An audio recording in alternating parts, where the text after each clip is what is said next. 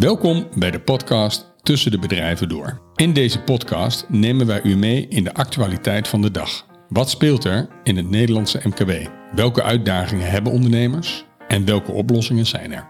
De erfenis van de tweejarige coronaperiode, de oorlog in Oekraïne, de disruptie van de supply chain, maar ook de stijgende prijzen van grondstoffen, rentes en lonen maakt dat we grote economische uitdagingen hebben. In de komende drie luik van podcast gaan wij nader in op de tekorten in de markt. Hoe voorkom ik een tekort aan geld? Is een bedrijfsovername een goed idee om tekorten op te vangen? En kan mijn bedrijf wel doordraaien met de huidige tekorten aan productiemiddelen? Wij nemen u graag mee in onze visie op de markt. Vandaag gaan we het hebben over tekorten aan geld en vooral hoe voorkom ik een tekort aan geld. Wij zijn Bob Huskus en Martin Kuiper van BBN en wij heten u van harte welkom. Hey Martin. Hey Bob, goedemorgen. Goedemorgen. Ja, tekort aan geld. Dat dreigt er wel aan te komen links en rechts in de markt. Ja, er zijn natuurlijk uh, er is een best een verscheidenheid aan problematiek in de markt. Hè. We hebben natuurlijk uh, de coronacrisis gehad met enorme schuldenlast voor heel veel uh, ondernemers in Nederland. En we zien uh, iedere dag nou, de tekorten in alle sectoren in Nederland ontstaan. Op personeelsgebied. Um, en dat leidt natuurlijk tot een enorme ja, hiccup en disruptie bij bedrijven. Ja, ja. En als je dan kijkt naar, naar geldtekorten, hoe, hoe zie je dat dan? Nou ja, de, de, als je dat afpelt, dat probleem. Je, je, ziet natuurlijk door de coronacrisis zijn natuurlijk de buffers uh, weggevreten en, en, schulden zijn toegenomen. Die moeten binnenkort weer betaald gaan worden. Hè? Want zoals je weet, hè, vanaf oktober dit jaar begint de aflossing daarvan naar de Belastingdienst.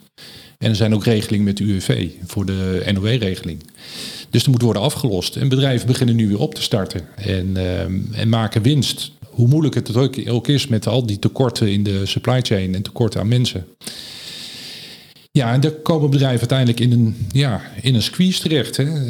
Ze maken wel winst, maar dat gaat zo meteen naar de aflossing. En ze kunnen daardoor niet groeien. En door de stijgende prijzen zie je dat werkkapitaal enorm toeneemt. Um, bedrijven bereiden zich daarop voor door ja, buffers aan te leggen. Dus er ligt gewoon veel meer voorraad. Dat moet gefinancierd worden. De prijzen stijgen 20, 30, 40 procent. Dat moet vaak voorgefinancierd worden, letterlijk en figuurlijk. Uh, voordat de verdienste terugkomt tot de bankrekening. Um, ja, dat leidt tot een enorme liquiditeitsdruk. Um, en dat is natuurlijk heel erg lastig voor, uh, voor ondernemers. Ja, helemaal als je dan kijkt naar de renteontwikkelingen, hè, die, die stijgen eigenlijk. Hè. De, de, de 12 maands Euribor staat uh, per vandaag, dus medio juni, staat, staat die op uh, 0,5% in de min, negatief. Maar de 12 maand staat op 1 en 1 kwart. Dus je ziet dat, dat naarmate je voor langere tijd geld wilt lenen, dat de, dat de geldprijzen toenemen. Dat is ook logisch. Hè? Inflaties. Hè? Inflaties eh, maart, april, mei, allemaal rond de 9, 9,5 procent. Um, ja, dat maakt dat uiteindelijk de centrale bankiers proberen die inflaties te drukken. Dus uh, rentes worden, worden in rekening gebracht. Met als gevolg dat uiteindelijk hè, het geldtekort wat er al is, alleen maar uh, wordt opgevangen met duurdere rentes. Ja. En waardoor dus uiteindelijk ook um, nou, de, de, de aflossingscapaciteit en de, de verplichtingen qua rentebetalingen alleen maar onder, verder onder druk komen te staan. Ja, inderdaad, dat komt er alleen maar bij. En, en dan hebben we het nog niet eens over de energieprijzen hè? En, en de beschikbaarheid van energie. Hè? Gaan bedrijven, gaan fabrieken stilgelegd worden of deels ja. stilgelegd? Ja. Kijk naar de, de kolencentrales en, en ja. de grote onvoorspelbaarheid erin. Je kunt bijna geen plan meer maken. Het enige plan wat je kan maken is dat je nou ja, flexibel, wendbaar bent. Dat je continu kan inspelen op ja, veranderende marktomstandigheden die je zelf niet meer in de hand hebt. En dat is natuurlijk ondernemers wel eigen, dat ze natuurlijk zich continu aanpassen. Maar er zit natuurlijk wel een rek aan. Um, ja, en die problematiek op dit moment, vandaag de dag, ja, daar liggen natuurlijk heel wat mensen van wakker. Ja. Want als je hem dan even samenvat, dan zeggen we aan de ene kant van oké, de, de, de, de, de, de, de lasten voor het bedrijfsleven nemen toe. Energie, rentes, uh, loonkosten, uh, grondstofprijzen. Dus het verdienmodel staat onder druk. Uh, misschien kun je ook wel, zul je ook wel zien dat dat een invloed heeft op, op, op de marges die een bedrijf maakt. En tegelijkertijd zie je dat ehm, bedrijven al een grotere aflossingsverplichting hebben aan bijvoorbeeld UWV hè, voor de NOW-regelingen. Ehm, de, centraal, de, bank, de banken in Nederland hebben het best lastig onder de hoge regeldruk. Hè, daar lezen we ook alles over in de kranten. Uh, wat dat betreft is zowel op Europees als op nationaal niveau is het absoluut niet makkelijk om een bank te zijn op dit moment. En, uh, en dus ook niet om je klanten te, te steunen en te financieren en te blijven financieren ook in moeilijke tijden. Um, ja, dat is een beetje de uitdaging. Ja, de hele economie en ook de samenleving staat op scherp. Ja. Hè, laten we niet omheen draaien. Het staat gewoon enorm op scherp. Een enorme scheefgroei tussen sectoren waar het wel goed gaat, waar het niet goed gaat. Je ziet ook een scheefgroei in geld. er, zijn, er is heel veel geld beschikbaar tegen 0% rente. Uh, beleggers, uh, aan de andere kant bedrijven die geld nodig hebben, die kunnen er niet aankomen vanwege nou, de regelgeving en de financiële positie waar ze in zitten. Dus ja, dat is natuurlijk wel pijnlijk Ehm, voor de hele situatie. En hoe kom je daar nu uit? Hè? Maar, maar dan weer even iets verder inzoomen op het, op het bedrijfsleven, op het MKB. Dan zie je dat eigenlijk hè, dat de behoefte aan werkkapitaal eigenlijk de komende tijd alleen maar verder toeneemt door alle veranderingen in de markt. Mee eens, vanuitgaande dat dat, dat rendeert. Ik bedoel, uh, kijk, het kan ook zo zijn dat je, als je daar wat minder goed op inspeelt, op al die nou ja, je zal maar de spullen niet hebben om, of de handjes om, om je, je omzet niet te kunnen draaien. Daardoor maak je verlies. Ja. dan heb je geen werkkapitaal, maar heb je verlies. En ja, hoe lang ga je daarmee door? He, er moet wel uiteindelijk licht zijn aan het eind van die tunnel. Um, en dat is daar, daar, ja, dat is de toets eigenlijk waarbij wat, wat je eigenlijk iedere dag wel moet doen om te kijken van, kan ik nog wel verder? Precies. Maar goed, werkkapitaalbehoefte neemt toe, want supply chains veranderen. We sourcen dichter bij huis. De disruptie in de supply chains die we wereldwijd hebben gezien, leidt er uiteindelijk toe dat we op een andere manier gaan inkopen. Maar dus krijg je veel nieuwe leveranciers. Krijg je veel nieuwe leveranciers, dan krijg je ook andere betaalcondities. En vaak niet langer, maar korter. Um, je ziet ook dat dichter bij huis produceren of laten maken of inkopen ook maakt dat je uh, dagen van financiering naar beneden gaat, omdat je per boot vervoert als je bijvoorbeeld in Azië inkoopt. En dan heb je nog een, een vaartijd van 30 dagen of 40 dagen. Dus daar, dat zijn een beetje de speelelementen waar je mee zit. Maar tegelijkertijd uh, zoeken ook klanten de rek op. Dus hè, de, de, de, de, de periode van inkoop tot, totdat je het geld weer op je rekening hebt staan. Hè, die cyclus die wordt eigenlijk alleen maar langer de komende tijd. Uh, terwijl eigenlijk bedrijven al, nou, veel bedrijven het, het water aan de lippen hebben staan qua schuldenlast. Um, en de houdbaarheid daarvan heel beperkt is. Ja. Nou ja, en de onvoorspelbaarheid daarvan, hè, ook in die supply chain, die aanleverroutes. je kunt niet meer plannen dat de boot in Rotterdam uh, op dag X binnenkomt. Daar kan zomaar drie weken tussen zitten. Ja. En, maar uh, zou je dan adviseren om meer voorraad te bufferen? Nou ja, dat is wel een oplossing. Hè. Ik bedoel, uh, buffering is natuurlijk wel een van de, een van de oplossingen natuurlijk. En, en, en goed communiceren met zowel de klanten als de leveranciers om dat zo goed mogelijk in de grip te uh, houden. Maar helemaal lukt dat natuurlijk niet. En je hebt gewoon nieuw normaal tegenwoordig, hè, dat je ook gewoon niet kan leveren. Ja. Wat, wat ik ook wel veel in de markt zie, is dat heel veel bedrijven die uh, wel orders hebben, met name van de grote retailbedrijven, maar dat, dat, maar dat die orders gewoon worden vertraagd of überhaupt niet worden uitgevoerd. En dat is toch vrij lastig als je dan een hoge voorraad hebt aangelegd. Ja, ja. Nou ja, wat je soms eens ziet, dat, dat, dat klanten helpen, zeg maar. Stel je hebt een order en dan moet, er moet hout komen of papier of staal. Dat, dat klanten dat rechtstreeks inkopen. Omdat zo eigenlijk een soort natuurlijke hedge te krijgen. En dat het al afgedekt is. Stel je als klant uh, plaats je vandaag een order om te leveren in de zomer 23. Ja. Dat je dat nu koopt, dan weet je dat het materiaal beschikbaar is. En je laat nou, de onderneming, de producent, het op dat moment produceren. dan is het prijsrisico is afgedekt. Je hebt de fysieke beschikbaarheid. Dat is een middel, een manier om daarmee om te gaan. Eigenlijk een soort van aanbetaling. Ja, ja. Maar wel op een slimme manier, zodat de voorraad die er ligt van jou is. Ja, ja. maar dat kan alleen maar als je in gesprek bent met elkaar en precies weet en je het achterste van de tong laat zien. Van ehm, wat kan, wat niet kan. En je, ja, je moet elkaar helpen. Hè? En, en, en dat blijkt ook wel. eh, Wil je succesvol zijn in de beschikbaarheid van, van spullen, van materiaal en van mensen, dan, dan moet je toch jarenlang hebben geïnvesteerd in die relatie. Ja. Als het allemaal heel vluchtig is geweest en je bent altijd voor nou ja, de laagste prijs en veel over been, dan heb je denk ik nu niet zo heel veel kans. Daar zeg je wel wat. Ja, maar dat is, vind ik, goed ondernemerschap. Hè? Dat je goed, je goed, ja, wat wij zeggen, stakeholder management. Hè? Dat je goed overlegt met partijen die ertoe doen. Of dat nou je werknemers zijn, of je familieaandeelhouders, of je klanten of je leveranciers. Als je daarin in, in investeert en je stemt af, ehm, ja, er komt altijd meer uit. Samenwerking leidt uiteindelijk altijd tot een hogere economische opbrengst. Zo, eh, zo simpel is het, denk ik. Ehm, en dat is denk ik ook de weg hieruit. Hè? Want dit is nou, de situatie die we vandaag de dag hebben. Maar ik denk dat voor de luisteraars vooral van belang is van ja, hoe komen we hieruit? Wat voor middelen zijn er om, eh, om hiermee om te gaan? Ja, dus en, en dan zijn er in, nou, zoals we hem ook voorbespraken, Martin, zijn er eigenlijk twee dingen. Ehm, A, je moet zorgen dat je je winstmarge op peil houdt. Want anders kun je gewoon de stijgende prijzen niet betalen. Ehm, en dan, heb je, eh, dan is dat, dat perspectief er ook niet.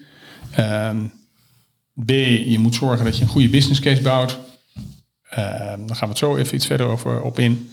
En C, moet je zorgen dat je voldoende financiering achter de hand hebt. Om ook daadwerkelijk nou, je bedrijf eh, gefinancierd te houden. En, en, en, en het werkkapitaal eh, gefinancierd te krijgen. Ja. Nou ja, dat zijn die dingen die je zegt, dat heeft allemaal met elkaar te maken. En eh, dat zijn ook zaken die eigenlijk altijd moet doen als goed ondernemer, goed bestuurder. Dan ben je daarmee bezig. Maar het is natuurlijk nu zo evident dat je dat moet doen. Dat, eh, dat dat eigenlijk een vanzelfsprekendheid is. Dus omdat die externe marktomstandigheden zo grillig en onvoorspelbaar zijn, moet je veel meer met de toekomst bezig zijn. Natuurlijk moet je weten waar je staat. Dus je fundament, je kompas, dat moet op orde zijn, je inzicht. Hè? Maar kun je, hè, om nou eens even terug te gaan naar het eerste component. Je moet je winst op peil houden, je winstmarges op peil houden. Kun je nou, en, hè, hoe zou je nou de prijzen als gevolg van hogere grondstofprijzen, hogere personeelskosten, hogere energielasten, hogere transportkosten, ehm, hoe, kun je die, hoe kun je dat allemaal door gaan berekenen? Ja, dat is makkelijker gezegd dan gedaan. Dus je zult, ja, de magische antwoord daarop is er niet. Je kunt het één op één doorbelasten, maar als iedereen dat doet, dan betalen jij en ik en, en alle medeburgers in Nederland de prijs. Door Vandaar, hoop- vandaar, vandaar die hoge inflatie. vandaar die inflatie. Hè? Dus die inflatie die, ehm, ja, die is wat meer, wat minder tijdelijk dan iedereen denkt. Hè? Ehm, dus vandaar dat je bezig moet zijn met wat, wat gebeurt er allemaal in de wereld om ons heen en hoe speel je daarop in als bedrijf. En, dat, eh, en vroeger deed je, maakte je één keer in de vijf jaar een strategie en nu misschien wel dagelijks. Eh, dus om die marges op peil te houden, ja, dan moet je toch steeds creatieve oplossingen bedenken. Eh, je hebt je, je doel, je, je, je stippelt horizon in beeld, maar hoe je daar gaat komen, ja, dat is afhankelijk van ja, soms onvoorspelbare situaties. Maar is de gemiddelde MKB-onderneming daarmee bezig? Gewoon, gewoon hè, eigenlijk op, op periodiek. En dan niet met een, eh, met een interval van drie jaar, maar eh, zeg drie maanden of maandelijks hun business case tegen het licht houden. Wat speelt er? Wat gebeurt er om me heen? En wat doet dat met mijn levensvatbaarheid en mijn perspectief? Nou ja, om daar generiek iets over te zeggen is lastig, denk ik. Eh, wat je natuurlijk wel ziet dat in het MKB zijn ondernemers daar wel mee bezig, maar vaak informeel, hè, in het hoofd of, of even snel. En wat toch wel belangrijk is eh, met dit soort maar ja, ma- majeure disrupties, is om daar toch eens even met de voeten op de tafel met elkaar te gaan zitten. Misschien wat klankborden zoeken daaromheen, eh, om daar toch wel periodiek naar te kijken. Van wat gebeurt er nu en wat is de impact op ons. Dus dat is een continu spel. Dus dat mag best wel iets met meer discipline en structuur. Zonder een bureaucratie te worden. Ehm, en als je dat doet, ja, dan, dan, dan komt die business case vanzelf ook wel eh, naar voren. En dat wil niet zeggen dat je altijd maar moet groeien. Hè, Misschien moet je wel krimpen.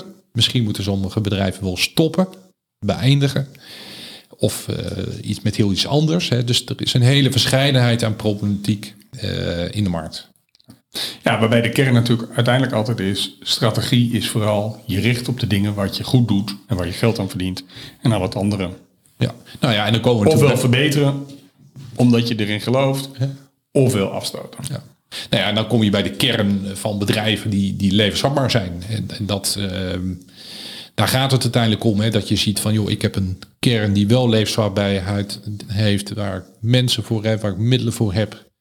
En die wil je voortzetten. Ja. En, en, en, en hoe kan dat? Hè? En hoe kom ik aan geld en aan, en aan middelen om, dat, om dat te doen? Precies, want je ziet natuurlijk overal in de markt, hè, lezen wij natuurlijk ook dat er ergens wordt gesproken, constant over, hè, dus zeg maar circa 200.000 bedrijven die, eh, die minder levensvatbaar zijn. Maar goed, er zijn er veel meer die wel levensvatbaar zijn en die wel allerlei perspectieven hebben. Ja, nou ja, als we de, de site van de Kamer van Koophandel eh, mogen geloven, en waarom niet, eh, dan zijn er toch meer dan 200.000 eh, bedrijven met een forse schuldenlast. Ja, Dus ik zou tegen hen willen zeggen van, wees reëel, eh, werp de schaamte van je af, je bent niet alleen. Wees reëel, kijk reëel naar je business case. Wat is je toekomstige verdiencapaciteit op basis van reële veronderstellingen? ja. En, En dan- ga, da- en ga dan dus ook bereken je schuldenlast, wat je kunt hebben, wat is behapbaar voor je. En ga daarover in gesprek met je schuldeisers. Ja, kijk, en dan kun je doorbraak creëren. Hè? Want als je reëel hebt begroot, een reëel plan met alle mits en maren daaromheen, maar je hebt een toekomstig plaatje van cashflow, wat je kan verdienen. Ja, en dan kun je eigenlijk heel makkelijk uitrekenen van ja, kan ik die schuldenlast aan de Belastingdienst, aan het UFV, aan het RVO, aan, aan kan ik dat nog wel betalen? Of is dat gewoon niet meer reëel? Nou, en dan zijn er allerlei tools en technieken om, om daarmee om te gaan. Hè. En, en dat vaak is de combinatie van, van een aantal dingen. Dat je, dat je misschien ja, je schulden moet saneren, maar dat je ook nieuw geld moet aantrekken.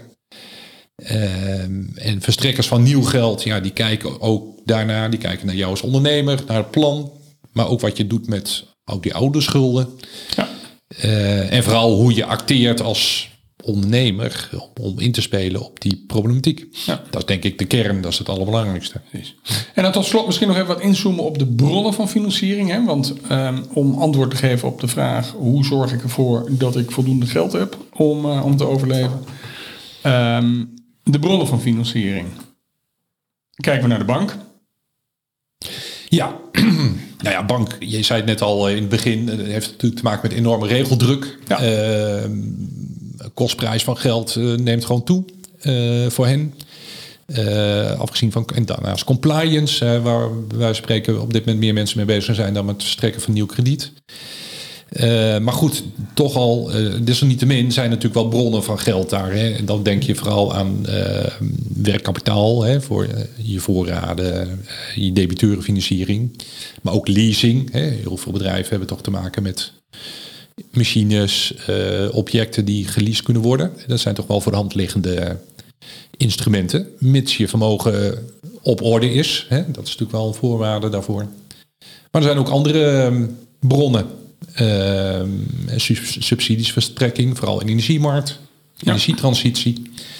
Ehm, daarnaast natuurlijk, eh, ja, er is natuurlijk best wel veel geld in de markt. Hè? Dus informele kapitaalverstrekkers, informals, Investeerders, strategische investeerders. strategische investeerders, overnames. Eh, dus er is een heel palet aan toch wel bronnen beschikbaar. Ja, en wat ik ook wel hè, in, in, in, in, in, in, in de rand van, van de bankaire wereld vind ik ook wel hè, de leasemaatschappijen, de vendor leasemaatschappijen. eh vooral voor, eh, voor grotere investeringen, eh werkkapitaalfinancierders.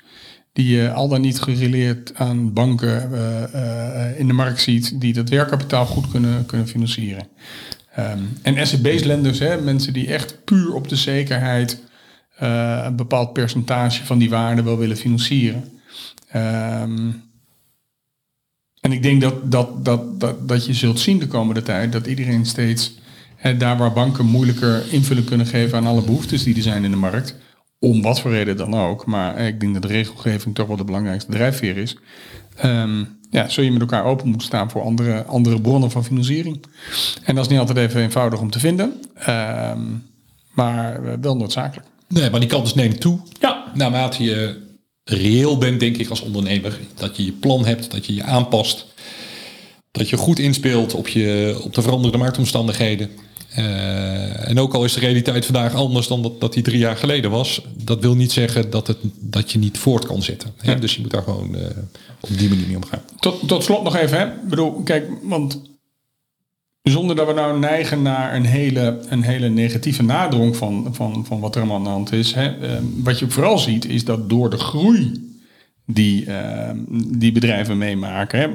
In de coronaperiode hebben heel veel bedrijven op, op halve kracht gedraaid die productie, hè, de productie neemt weer toe, de groei neemt toe, de omzetten komen weer op, op normale niveaus. Maar eigenlijk het werkkapitaal is opgesoupeerd. En eigenlijk kun je met, zeg maar, een, hè, als je een beetje die asset conversion cycle bekijkt en dus kijkt van oké, hoe lang is de periode vanaf het moment dat ik een aanbetaling voor een order moet doen tot het moment dat mijn klant betaald heeft. Als dat, uh, ga nou eens uit van dat dat drie maanden is, dan moet je eigenlijk over een jaar genomen, voor elke miljoen omzet dat, dat de omzet toeneemt, uh, moet je 2,5 ton extra werkkapitaalfinanciering hebben. En dat is eigenlijk een hele makkelijke duimregel om te kijken van oké, prima. Ik zie bedrijven die stijgen 15, 15 miljoen, uh, zonder dat dat werkkapitaal toeneemt. En in de wetenschap dat de, dat, dat de druk verder toeneemt. Dus het is ook wel hè, ja reëel zijn, ja reëel in de markt staan, maar ook wel de kansen die er liggen en het opportunisme heb je natuurlijk ook wel nodig binnen je bedrijf. Hè. Dat houdt ook wel de sfeer erin. Maar wees wel reëel naar van en welke behoeftes brengt dat dan allemaal met, zich mee? Dat is eigenlijk voor mij een, soort uitsmijter voor vandaag. Um, weet je, bekijk het niet alleen van de negatieve kant, maar ook die kansen die er in de markt zijn, maakt wel dat je een extra behoefte krijgt. Ja, helemaal mee eens. En het is, ja, nou, maar kijk, als je gewoon weet waar je staat en je kunt inspelen op de veranderingen, dan is het natuurlijk hartstikke leuk en optimistisch om met die toekomst bezig te zijn. En ja. er zijn toch wel verscheidenheid aan oplossingen om, daar, uh, om die weg af te kunnen leggen. Ja. Ik vond het een leuk gesprek. Nou. Ik hoop dat iedereen geniet van de podcast. En um, graag tot snel weer. Oké, okay, dankjewel. Dag Bob.